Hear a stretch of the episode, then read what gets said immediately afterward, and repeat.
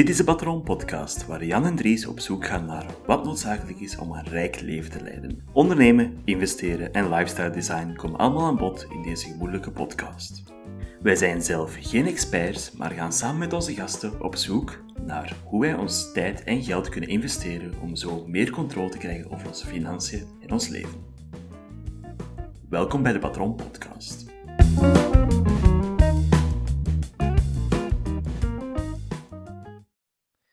Goedenavond, Dries.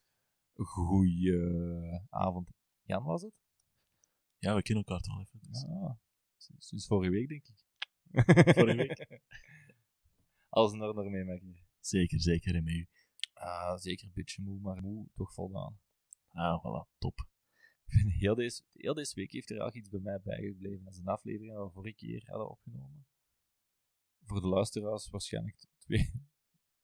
De vorige, eh, niet de vorige, maar de aflevering daarvoor. Over MVP daar. Correct, ja, dat was de eerste aflevering van seizoen 2. Inderdaad, het tweede seizoen hij is kicked af. En die is bij mij blijven nazinderen, want een van de dingen dat je daar had gezegd van MVP is minimum vi- vi- viable product. Minimum viable product. Minimum viable product. Iets dat er bij mij bleef bijhangen was de pop-up store dat je kon beginnen. Gewoon een Mhm. keer eh, iets zeggen van, ja, ik ga niet direct een pand opkopen, dat vol steken met dingen die ik nodig heb. Koopt gewoon, begint gewoon een pop-up store. En ik dacht van, ik woon sinds kort in Lier. Jan, weet je wat, wat we dus in Lier niet hebben? Raad eens een keer.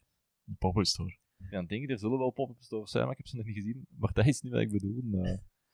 Ik denk dat Lier nog heel veel mist in vergelijking met Antwerpen. Lier mist redelijk veel dingen. eh. Maar er is één ding, als er één ding is waar ik, dat jij fan van bent. waar ik fan van ben. Koffiebar. Ko- koffiebars zijn er. Dat is, eh, dat is eh, bibliotheken. Je, je komt in de buurt, er is een bibliotheek, maar er, Antiquariaat. nou, daarvoor kom ik hier naar dingen naar de heet dat? Boekenwinkel dan. Naar boekenwinkel. Ja, er is dus een heel hier, een enige boekenwinkel dat er is, is de standaard boekhandel. Wat eigenlijk toch Die overal zit. die overal zit. En dat is toch het equivalent van, ah, dat is een e-book store. eh, Maar dan om naartoe te gaan, dat is echt geen dat leuke. Daar kunnen ze geen evenementjes houden. Een echte, goede, onafhankelijke boekhandel. Dat ontbreekt dus in heel die stad. Dus ik dacht van met mijn eigen. Ik ga gewoon binnenkort mijn eigen boekenwinkel beginnen. Panden zijn al opgevonden. En nu ja, dan nog vol krijgen met boeken. Misschien dat een van ons volgende gasten daar eh, nou, wel een bijdrage kan uh, toegeven. Ja, zo. jij zit hier aan dingen aan het hopen. Maar, eh, Ja. ja, daar eh, gaan we misschien later op inkomen als de gast. Daar gaan we misschien later op inkomen. eh. ja, dus wordt vervolgd waarschijnlijk. Het is dat, want wij hebben gasten gepland. Wow, Zelfs zeker. meervoud. Dus dat is een... eh, Meervoud? Ik ben nog maar van één op de hoogte. Ja, ja, natuurlijk. Iedereen heeft geheimen. ja, ja, die gaan mij wel niet weten. zeg je Anyway, daarvoor waren we hier niet. Nee, Maar dit is dus een initieel plan, inderdaad, dat bij u aan het, s- aan studeren is. het zitten, eh, dat het ontvlamd is eh, Ja, met de podcast. Ik al een businessplan. Oeh, progress. Zie, ik ben gewoon een VZW, dan kan ik dat volsteken met mensen die nu technisch werkloos zijn. En die 30 euro op een dag betalen. Smart. En lichte uitbuiting. Maar daar waren wij hier niet voor vandaag. Wij gingen het vandaag hebben over de voordelen en de nadelen van kopen en huren. Kopen en huren, inderdaad. Omdat wij zijn nu inderdaad die initiële fase van het kopen doorlopen. Jij woont nu een paar maanden alleen. Ik woon ondertussen anderhalf jaar in deze woonst, ja. Deze mooie woonst. Dus dat is wel een compleet ander leven als zijnde de huurder van een appartement. Of de huurder van een studentenkot, een huurstudio. Dat soort zaken. Is het ongeveer ook niet een, jaar geleden dat ik van u voor een maand gehuurd heb? Dus dat je mee in dit prachtige appartement Ja. kon wonen. Juist, juist de maand dat je in Thailand bent, zat een hele lange tijd. Kijk, eh, heb je veel ruimte gehad voor jezelf. Heerlijk, heerlijk. Dus ja, we zijn dus gegaan van een situatie van huren naar kopen. Dus dat wil vooral zeggen dat we de voordelen van het kopen belangrijker vinden dan, dan de nadelen. Ja. En dat we en ook belangrijker vinden dan de voordelen die bij huren komen. Wij willen bij deze aflevering ook wel het beste overgaan van te zien van oké ja, er zijn effectief goede redenen voor te huren en er zijn echte nadelen aan kopen. En Zeker. deze dingen even te bespreken en te zien van oké ja, waar val jij in dit spectrum? Want de Belgische droom blijft altijd het eigen huis, het eigen appartement, de baksteen in de maag. Maar hoeft dat ook echt, want dit is ondernemen en investeren in de 21ste eeuw dat wij doen in deze podcast. Wij zijn hier op een andere manier met geld aan het omgaan dan onze ouders zijn. Dus misschien moet je even bij je stil- stilstaan en zeggen van, oké, wat wil ik zelf? Ja, en het is belangrijk daarbij ook te vermelden, en ik vind dat heel goed dat je dat bijna aanhaalt. Hetgeen dat we hier bespreken, dat zijn, dat zijn onze ervaringen, maar ik, ik durf te vermoeden eh, dat je zelf in een heel andere eh, situatie terechtgekomen bent, of dat je dat over een andere financiële achtergrond hebt. En dan leunt je misschien eerder, je bent eerder geneigd naar het een dan naar het ander. Maar ik denk dat de situatie waar dat wij momenteel in zitten, we hebben allebei nu iets gekocht, dat dat wel de beste optie was waarvoor wij allebei konden kiezen. Ja, ja, ja. we hebben zelf bewust die afweging gemaakt tussen de twee. En eh, daarmee. Dus misschien zullen we eerst eh, over de voordelen dat wij zelf ondervonden hebben van het kopen gaan. Ik weet niet of dat voor u ook is. Ja, eh, wat was mijn voordeel? Wat is voor u het belangrijkste voordeel van het kopen? ja, als er één ding is waar ik een gigantisch grote voorstander van ben, is het eigendomsrechten. Ja. Dus door zelf iets te kopen, heb je zelf eigendom. Dat is wel cool. Dat is, ja, dat is niet alleen cool, maar dat is ook zo van, ik heb dat, ik kan daarmee doen wat, dat, wat, wat ik daarmee wil. Ik kan daar, ik woon op een bovenste verdieping, dus als ik daarvan een jacuzzi op wil monteren, ik kan dat. Niemand gaat me, hey, de wetten van de fysica gaan mij misschien tegenhouden, dat gaat misschien eens een goed idee zijn. Ik, kan, ik kom daar terecht en niemand anders kan daar iets aan doen. Ik moet niet naar andere mensen luisteren die een andere mening erover nahouden, wat, wat ik er juist mee zou doen. Misschien mijn ouders af en toe een keer zeggen dat, dat wat proper moet zijn. Niet het geval is geweest, het is altijd heel proper geweest. Proficiat. Dankjewel, trots dankjewel. op. Ja, dat zijn de voordelen Zou van je niet zeggen, normaal gezien. Ik verschiet hier ook van. Ik ben echt een, eh, een propere eigenaar. En ja, dat is, dat is dan ook direct een gevolg van eigendomsrecht. Inderdaad. Je bent trots op wat je bezit. En Inderdaad. daar draag je misschien beter zorg voor. Het is inderdaad, dat is mijn, mijn stukje België. Drie verdiepingen boven de, boven de gronden van hier. Maar dat is van mij. Het is dat. dat sluit inderdaad wel aan bij het voornaamste punt, denk ik, dat het voordeel is van kopen, dat je enorm veel beslissingsvrijheid hebt. Dus jij maakt al beslissingen, je hoeft met niemand te overleggen waar je bepaalde veranderingen wilt doen. Ja. Als jij heel het huis paars wilt verven aan de binnenkant, of van, zou het geen geclasseerd gebouw is, mag je doen wat je wilt, basically. Ja. Als jij vindt, oh, ik wil twee badkamers in plaats van één, dat kan allemaal. Just do it. Om het met een slogan eigenlijk te zeggen. Dus ja, je doet daarmee wat je wilt. Je kan ook veel verbeteringen aan het pand doen.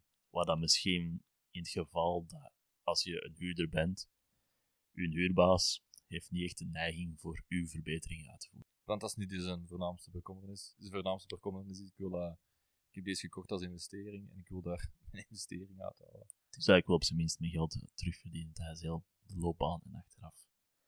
Heb ik een afbetaald pand. Dat is vaak hoe dat huiseigenaars denken. Dus als jij de keuken wilt vernieuwen, maar je wilt daar geen extra huur voor neerleggen, dan gaat de huisbaas dat nooit echt doen. Die heeft heel weinig incentive, laten we het zo zeggen. Dat sluit misschien inderdaad ook naadloos aan het volgende punt, is vermogensopbouw op lange termijn. Dus je kan inderdaad meerwaarde genereren door zowel zelf je investering te doen, dus zelf dat pand beter in orde te maken, meer eigen tijdser, maar ook doordat je elke maand je hypotheek afbetaalt. We veronderstellen dat de meeste mensen gaan doen. Dus ik denk dat er heel weinig witteraven naar ons gaan, eh, gaan luisteren. Het is dat ik denk niet dat er heel veel volk hier zit met een paar miljoen aan de zijkant, die zo dacht van, oh, Maar- in dat geval, just give me a call. ja. Jij kunt ook een heel interessante podcastaflevering zijn, ik dan. eh. Voilà, kijk. Dan willen we dat rustig bespreken, hoe dat je daar bent geraakt. Ja, zeker. Dat is een interessant verhaal aan zich.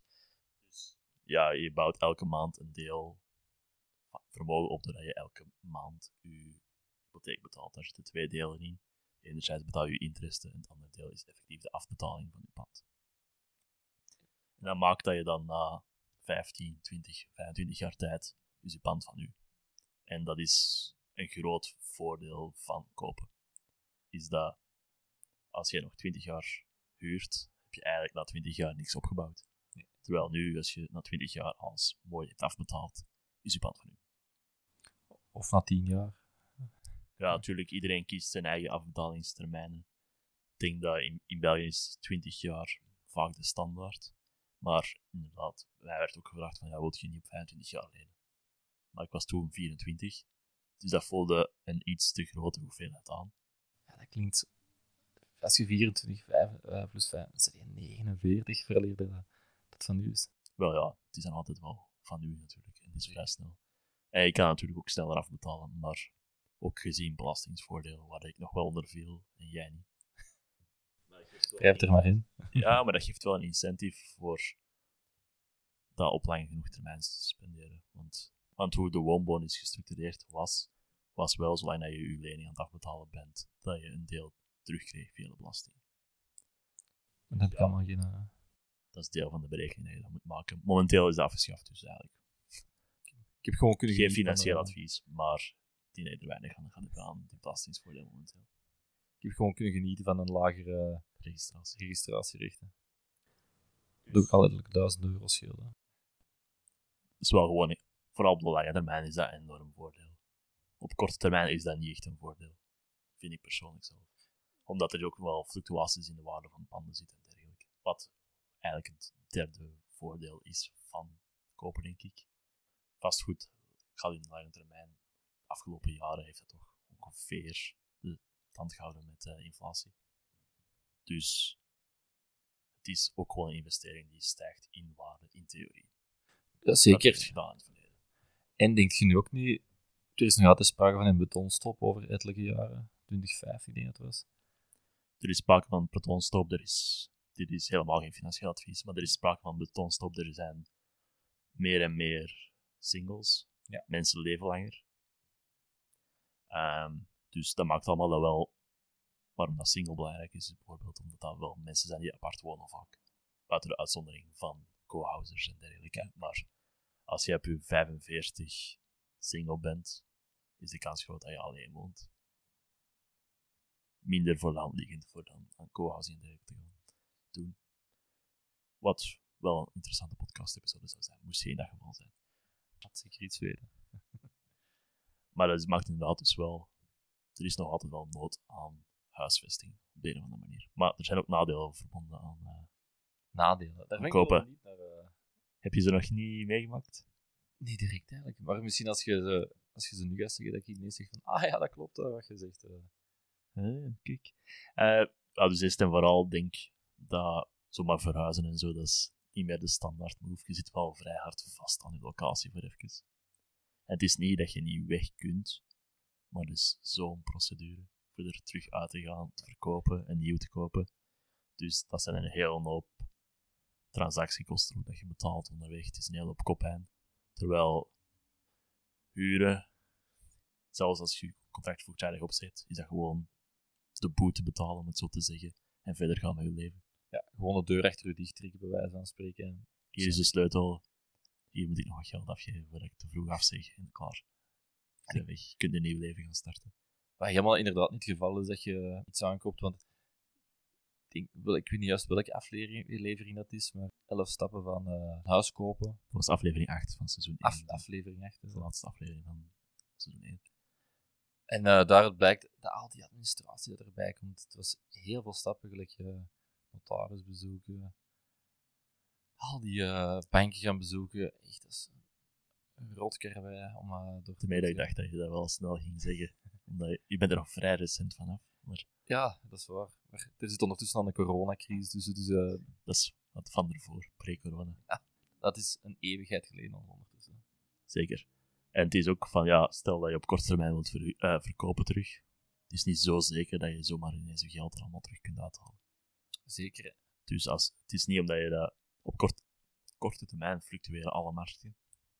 En het kan gerust zijn dat met heel deze problematiek, dat er ineens minder geld in de markt zit. Dus dat mensen zoiets hebben van, ah ja, ik ga toch een paar jaar uitstellen, nog een huis kopen. Je weet niet door welke problemen dat mensen nu gaan. Dus je moet dat wel beseffen, dat het is niet omdat vastgoed op lange termijn de neiging heeft voor naar boven te gaan, dat dat op korte termijn een goede investering is. Want zeker omdat je inderdaad die notariskosten hebt, die tellen wel serieus op. En dan moet je inderdaad beginnen rekenen met het verschil met het verhaal van huren. Ja, nee, en, eh, En ik kan je zeggen, de boete voor eh, aan je huisbaas te geven is een pak minder dan alle notariskosten. die hebben we zelf eh, ook al ondervonden. Maar daar, daarbij bijkomstig ook, als je zegt op korte termijn, denk ik ook direct lange termijn.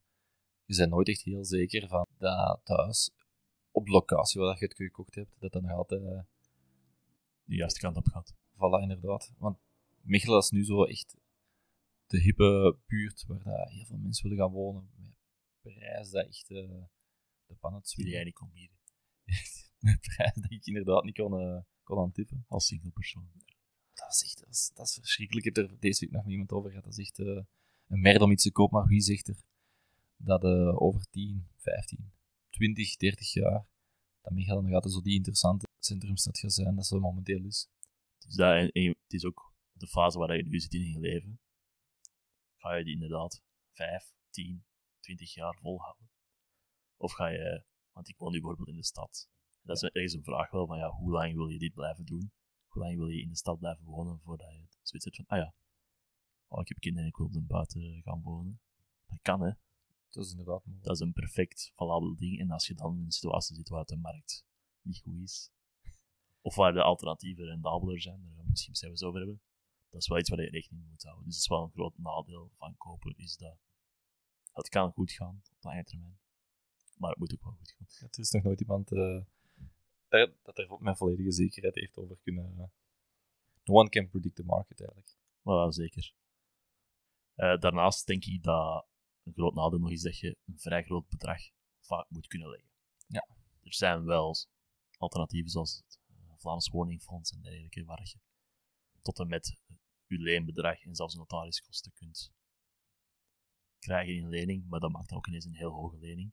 Dus dat is, ergens moet je wel voldoende geld opzij kunnen zetten voor een bank vraagt vaak 20%. Dan gaat, dat, hoe meer dat je kan inleggen, hoe minder risico voor de bank. Dus hoe lager dat zij rente kunnen leggen. Kun je eens een voorbeeld geven van uh, die uh, Vlaamse woonrente? Vlaamse woonrente, denk ik dat zit onder de 2% ergens, vast ja. 20 jaar. Dus ja, maar waar dat ik zie bijvoorbeeld is een variabele rentevoet van 1,4 op 20 jaar. Dus dat is ook wel. Ik heb een veel groter bedrag ingelegd. Ik heb mijn notariskosten ingelegd en iets van 20% nog. Oh. Dus dat maakt dat je als totaalprijs al richting de 25% of zo ziet van je totaalbedrag dat je gelegd hebt. En dan ja, natuurlijk alle kosten van de verhuis en aankoop van dingen en verbouwing en dat soort zaken. Dat is een serieus bedrag dat je wel initieel moet leggen. En dat mag je niet zomaar voor standaard. Ja, dat is moet niet bagatelliseren. Dat is een groot nadeel van kopen, is inderdaad het eerste bedrag dat je vaak moet. Ik heb hier ook nog andere dingen gezegd, zoals ja, je moet wel rekening houden met woonbelasting, notariskosten, makelaarskosten, onvoorziene kosten. Die zijn allemaal voor u. Zeker. Waar als je een huurder bent en er is iets aan het dak, bel je gewoon de huisbaas. Dat, dat is, dat is uh, inderdaad ook... Bij het kopen is eigenlijk alles voor u.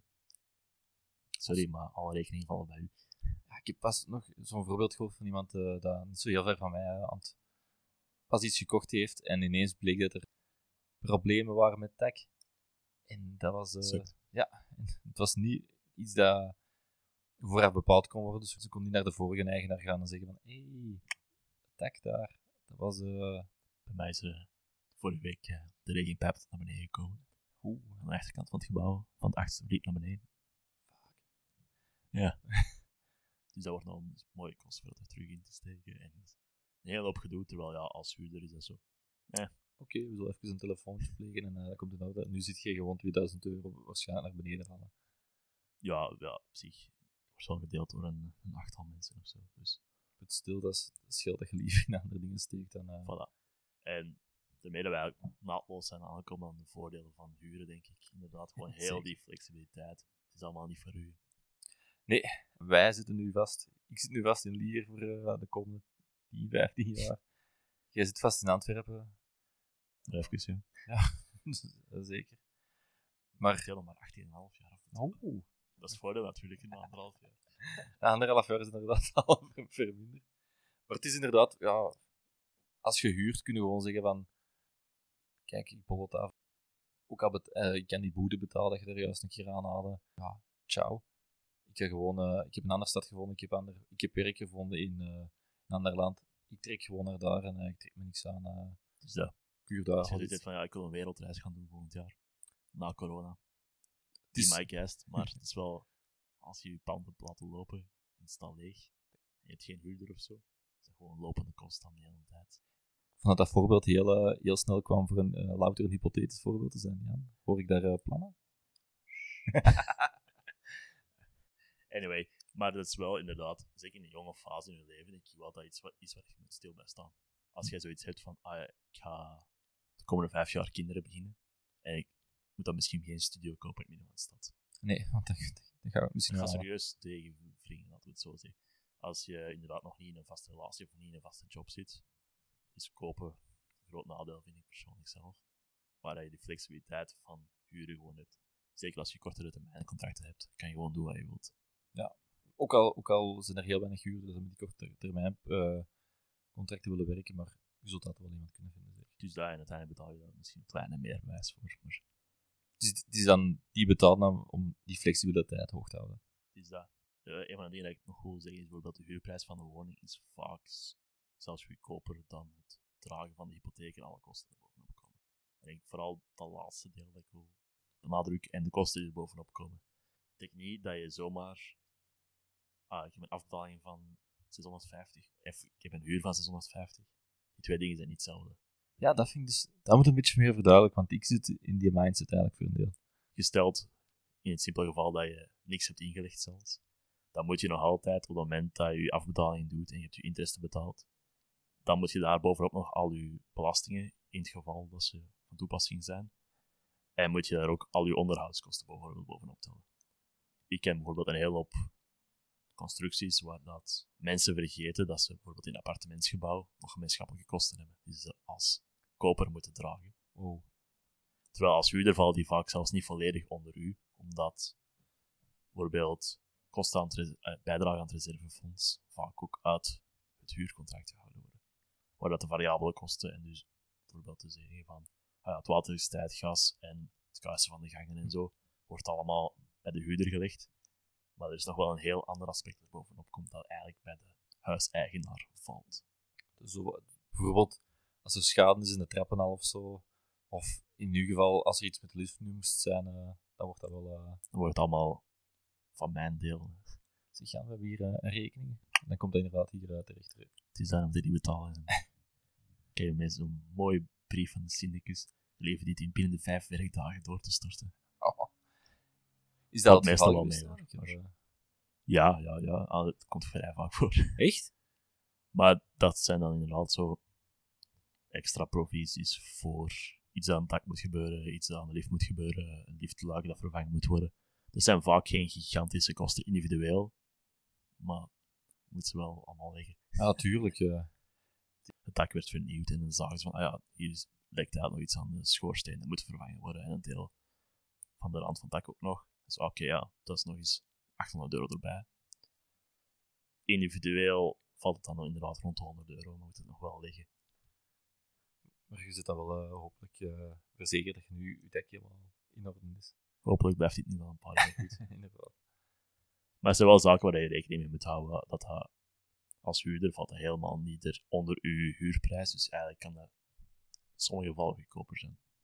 Want een van de dingen dat ik bijvoorbeeld gezien heb, is een van de eerste panden waar wij gaan zien waren voor samen te huren. Dat was ongeveer een huurprijs van rond de 800 euro. Zoiets, ja. En dat was ik kan zien, want die staat momenteel te koop. Pand. En ik heb dit even opgezocht. En dan voor een deftig bedrag in te leggen, laten we zeggen 20% dezelfde notariskosten te dragen, zou inderdaad ook gewoon afbetaling rond de 800 zijn. Maar dan begin je te rekenen en dan zo. Want bij ons, in ons huurcontract was enkel ja, watertijd nog voor uzelf. Maar daar in dat geval is inderdaad nog bijdrage voor het gebouw, bijdrage voor dat, dat, dat. En dat telt heel snel op.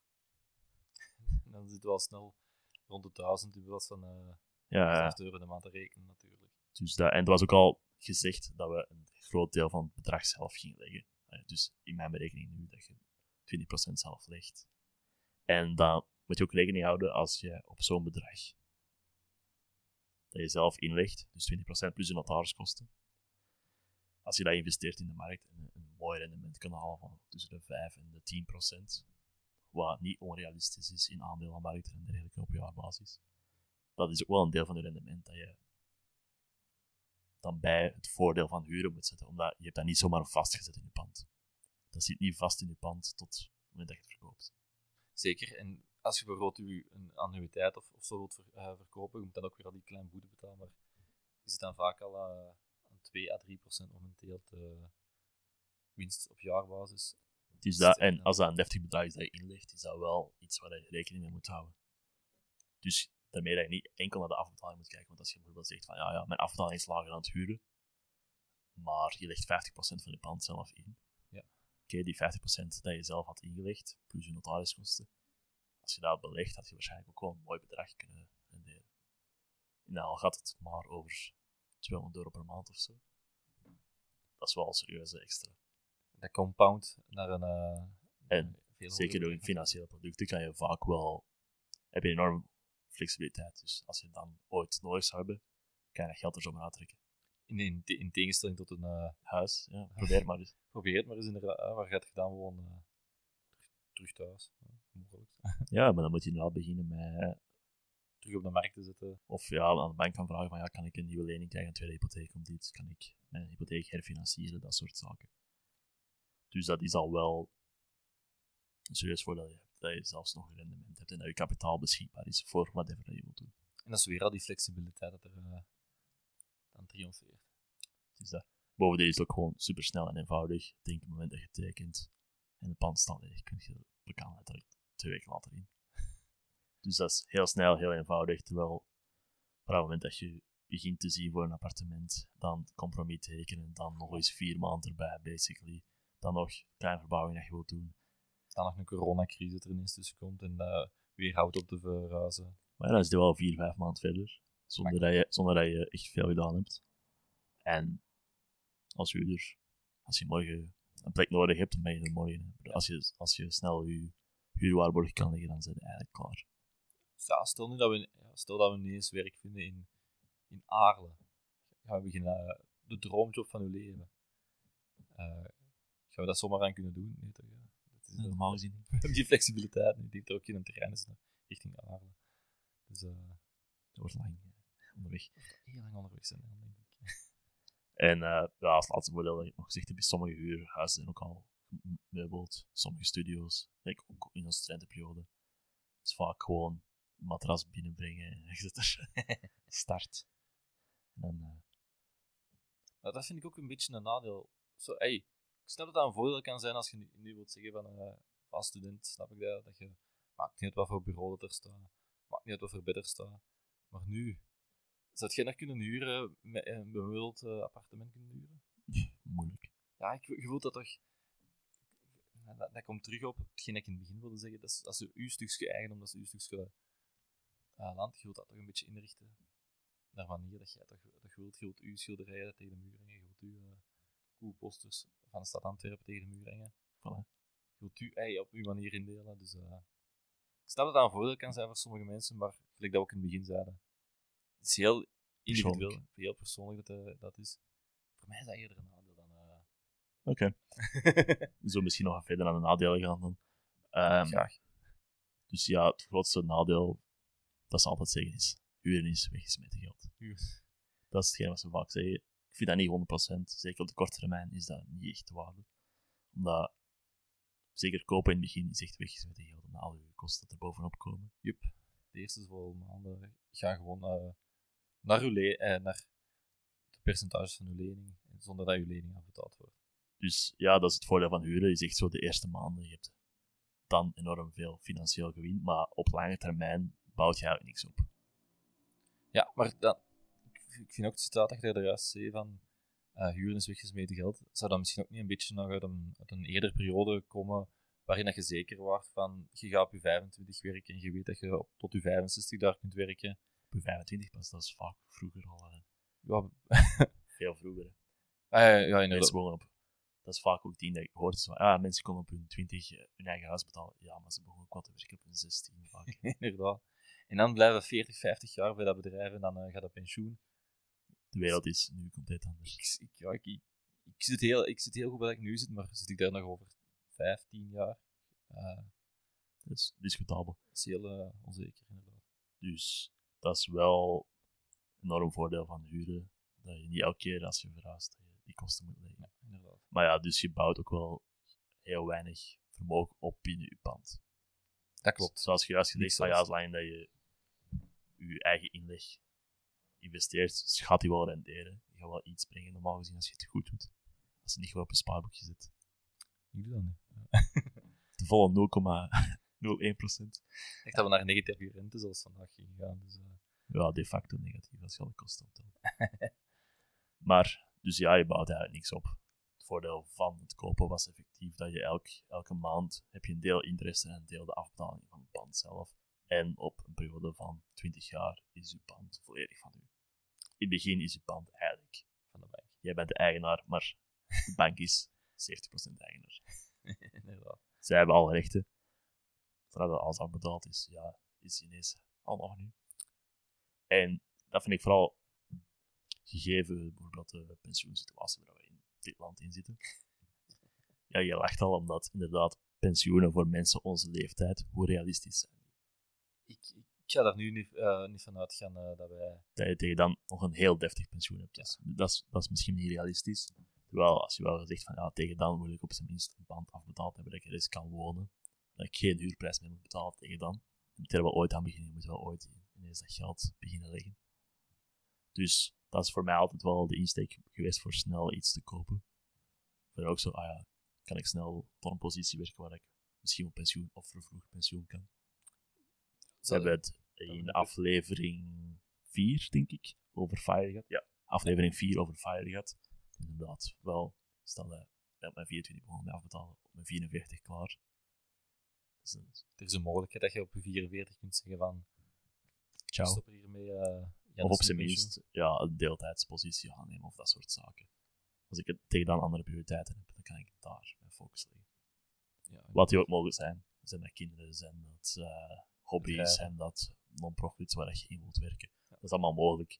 Dus dat is voor mij ook wel op lange termijn is een kost die wegvalt als je op 20 jaar tijd iets hebt afbetaald. En, eh, dat je de vrijheid hebt om eh, niet te moeten werken tot eh, de pensioengerechtigde leeftijd, waar wij geen fuck aan gaan hebben.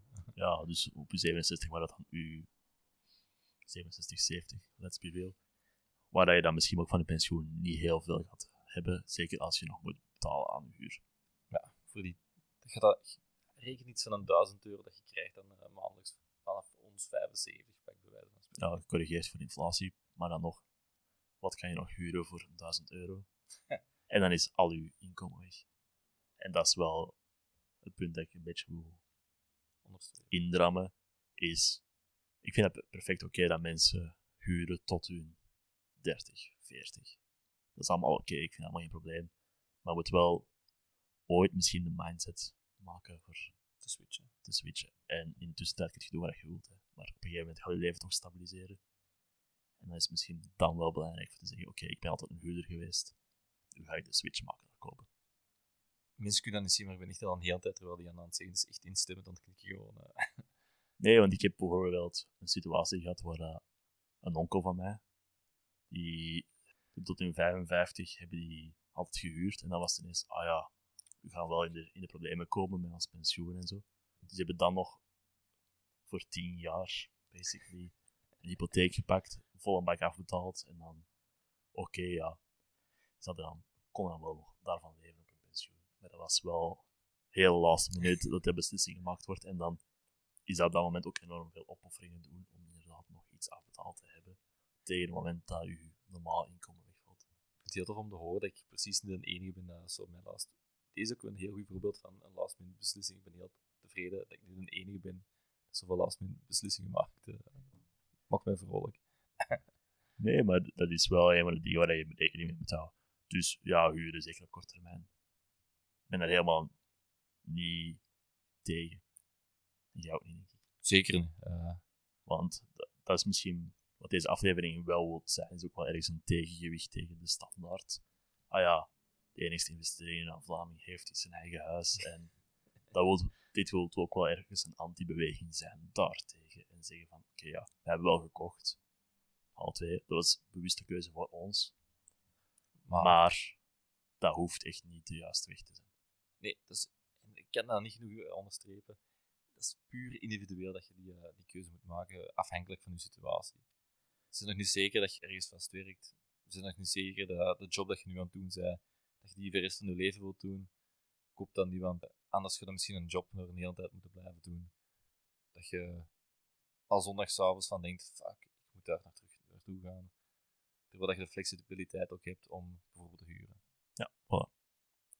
Dus ehm, ik heb misschien nog één laatste voor eh, het helemaal af te ronden. Eén laatste nadeel is gewoon... Mag ik even aftrommelen? Nee. Laatste aan is gewoon dat huurprijzen gaan ook gewoon geïndexeerd worden. Doorheen het hele leven.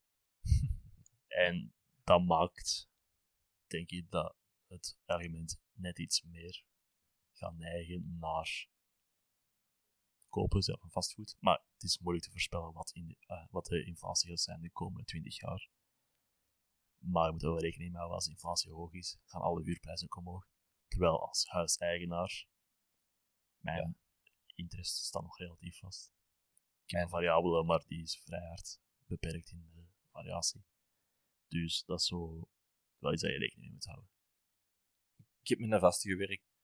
Ja, ik, ik heb nu altijd 0,9.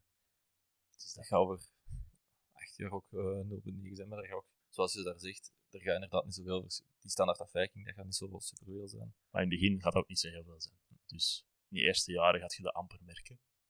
Dat verschil tussen het huren en afbetalen, dat dat, oh ja, 0,1% verschil op een jaar. Maar tip, ah, 0,1, nog eens, nog eens 1% er verschil, dan nog eens een halve procent verschil. Maar over 40 jaar gaat dat wel over een gigantisch verschil gaan. Ik moet dan denken zo, hey, dat is misschien eh, een absurd voorbeeld, nu, nu bij wijze van spreken, maar mijn ervaring met bijvoorbeeld 19e-eeuwse huurprijzen en een huurprijs naar hier. Dat klinkt heel absurd, maar als je naar een goedkope arbeiderswoning gaat in, in Gent in 1850, betaalde iets van een 4 frank af per, per maand. Dus dat is 10 cent. Die, ja, dat is, je, kunt, je kunt je dat niet meer voorstellen. Hey, in die, die periode was dat natuurlijk 4 frank was een weekloon, bij wijze van spreken. Ja, natuurlijk. Maar nu, Tijden zijn veranderd. Maar nu bijvoorbeeld ook, ik weet van andere mensen hoor, dat is 800, dat is 900 euro op een maand dat je betaalt. Dat is niet langer een weekloon, dat is, dat is, dat is twee weken Hangt er minstens. vanaf eh, als koppel of als... Maar dat is, dat is van, een, eh, van een single persoon is dat twee weken de, het loon. Ja. Dus gewoon eh, op, op, die, op die lange periode is dat nu wel dat is heel extreem, maar dat is van één week naar twee weken gegaan. Maar gemiddeld zijn- de Vlamingen ook wel groter gaan wonen. De Ja, voet is wel waar. groter geworden. En de standaard. Dus dat is moeilijk te vergelijken. Zeker. Dat er inderdaad ook wel kwaliteitsvoordelen Maar dat is het voordeel van kopen. Je kan inderdaad zelf je kwaliteit verhogen van je pand. Je kan je levensstijl verhogen. Dus, anyway, neem al deze gedachten met je mee. En maak vooral voor je eigen beslissing. Zeker. We kunnen dat niet genoeg onderstrepen. Het is een heel individuele keuze die jij en jij alleen kan maken. We hebben hier een lans gebroken voor vooral je eigen goesting te doen. Zeker. Dat is, dat is toch wel het thema dat, dat we in seizoen 2 er, er heel erg laten uitkomen. Nee? Het is dat, ja, een beetje, wat wil je zelf doen? Waar liggen jouw prioriteiten en niet die van de samenleving volgen? Daar kan ik alleen maar weer al instemmend mee knikken. Dan sluiten wij hier af. Zeker. En eh, Tot de volgende keer. Bye bye. Yo.